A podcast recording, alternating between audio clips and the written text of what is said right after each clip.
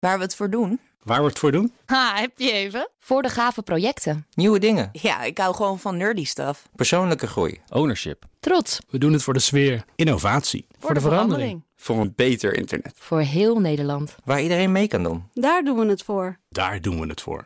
Waar doe jij het voor?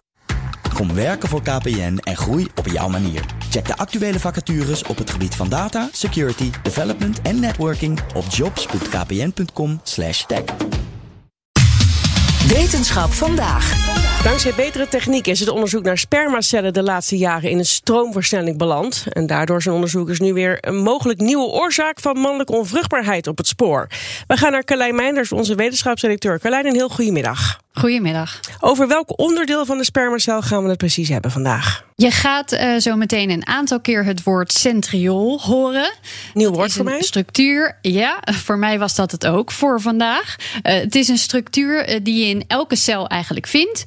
je kunt het een beetje voor je zien. Dit is super klein natuurlijk, maar als we het dan een beetje vergroten en we versimpelen het wat, dan kun je het een beetje voor je zien als een cilinder met rondom allemaal tubes, allemaal buisjes. Een beetje alsof je een stuk regenpijp afsnijdt. Mhm. En je plakt dan rondom in de lengte allemaal rietjes heel dicht tegen elkaar. Oké. Helemaal rondom. Ik heb beeld, ja. Zo kun, je het, ja, zo kun je het een beetje voor je zien. Nou, deze structuur dient meestal als een soort schokdemper in onze cellen. Uh, de meeste cellen hebben uh, twee van deze structuren.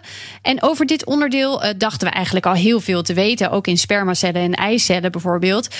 we dachten dat in het geval van een eitje, dat, dat weten we, verdwijnt deze structuur helemaal. Daar zit hij dus niet meer in. Dus in uh, rijpe eitjes, zeg maar, vind je dit niet meer terug. In de spermacel van de man zitten er twee.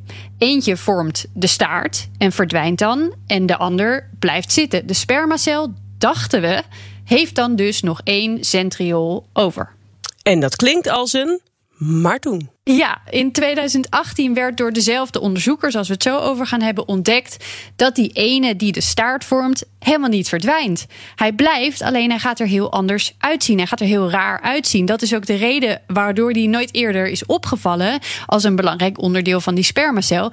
Hij werd gewoon niet herkend als een belangrijke structuur. Uh, we hebben natuurlijk heel veel in muizen gekeken om mm -hmm. meer te leren over dit soort dingen. Uh, daar zit dit onderdeel helemaal niet in de spermacel. Oh. Dus ja, waarom zou je dan verwachten ja. dat wij er wel eentje extra hebben? Want de muis heeft het ook niet. Uh, we zien immers niets wat lijkt op dat cilinder bijvoorbeeld zitten. Dus lange tijd is volledig over het hoofd gezien uh, dat hij er was. Maar hij zit er toch echt, een tweede centriool. En, en wat doet dit onderdeel dan in de spermacel? Die structuur is essentieel. Uh, zonder beweegt de spermacel niet. Oh ja. Kun je het wel vergeten dus. Maar hij heeft nog een tweede functie. Het organiseren van het DNA van de vader en moeder als het embryo eenmaal begint te groeien, zeg maar. Nou, daar kun je ook voorstellen, als dat mislukt, dan kun je het ook wel vergeten. Uh, een onbekende structuur dus, die we pas sinds een paar jaar kennen, maar die van gigantisch groot belang blijkt te zijn. En de grote vraag was nu, waarom ziet dit onderdeel er dan ineens zo gek uit? Waarom is het zo vervormd? Ik vroeg het aan onderzoeker Tomer Avidor Reis van de Universiteit van Toledo. So in this paper, what we show that it act what I would describe to you as a transmission system. Okay, the centriole moved from becoming a shock absorber that does not move to something that now move. Okay, it's actually moving. What we are describing in this paper that this atypical centriole move. It's moving. Dus ik stel me nu een spermacel voor die ineens veel flexibeler is, Carlijn. Ja, nou, er is inderdaad veel meer beweging dan in eerste instantie werd gedacht. So before, if everybody thought that the tail is the only moving part and it just push the head, what we discover now, because of this atypical centriole with atypical structure surrounding it, the tail can transmit its movement to the neck and the neck can transmit it to the head.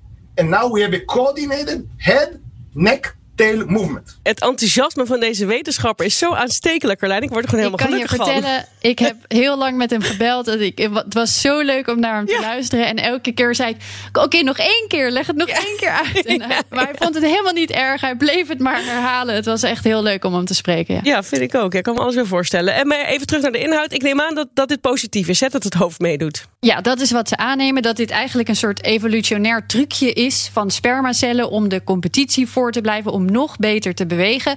Ik noemde al even uh, die techniek. Het is nu dus voor het eerst mogelijk om zo diep in te zoomen op die cel. Dat je kunt zien hoe het er eigenlijk voor staat met die centriool. Je kunt dan dus ook gaan zien, zit er daar helemaal diep in die cel, in die structuur, iets verkeerd? Want is dat zo, dan heeft dat dus een groot effect op de beweging van de staart en het organiseren van het DNA van de ouders. Dat eerste, beweging van de staart, kun je nog wel oplossen door het sperma in het eitje te brengen. Maar dan mislukt alles nog steeds als dat DNA niet goed georganiseerd wordt, natuurlijk. Er moet zo ontzettend veel precies goed zitten voordat iemand zwanger kan raken. Hè? Dat is toch onvoorstelbaar? Ja, het is niet normaal. Nee, want dit is natuurlijk nog lang niet alles. Wat, wat zagen ze bijvoorbeeld in eerder onderzoek, dat is door een ander team gedaan, dat de beweging van de staart van een spermacel veel efficiënter is, wel vier keer meer, als het laatste stukje van de staart niet beweegt. Het was uh, zelfs zo dat sperma met een lui staartpuntje mm -hmm. 70% sneller zwom. Oh. Dus dat is weer een heel ander deel van die spermacel. En dan hebben we het nu dus alleen nog maar over de spermakant van het verhaal. En niet eens over het eitje, wat ook nog mee bepaalt, bijvoorbeeld welke wel in de buurt mag komen en welke niet. En inderdaad, uh, dan is het een wonder dat er überhaupt ooit iemand zwanger raakt. Maar nu uh, kan hopelijk wel een deel van de mensen waarbij het niet lukt en waarbij het probleem bij de vruchtbaarheid van de man ligt, geholpen gaan worden. Prachtig die wetenschap. Carlijn, dankjewel.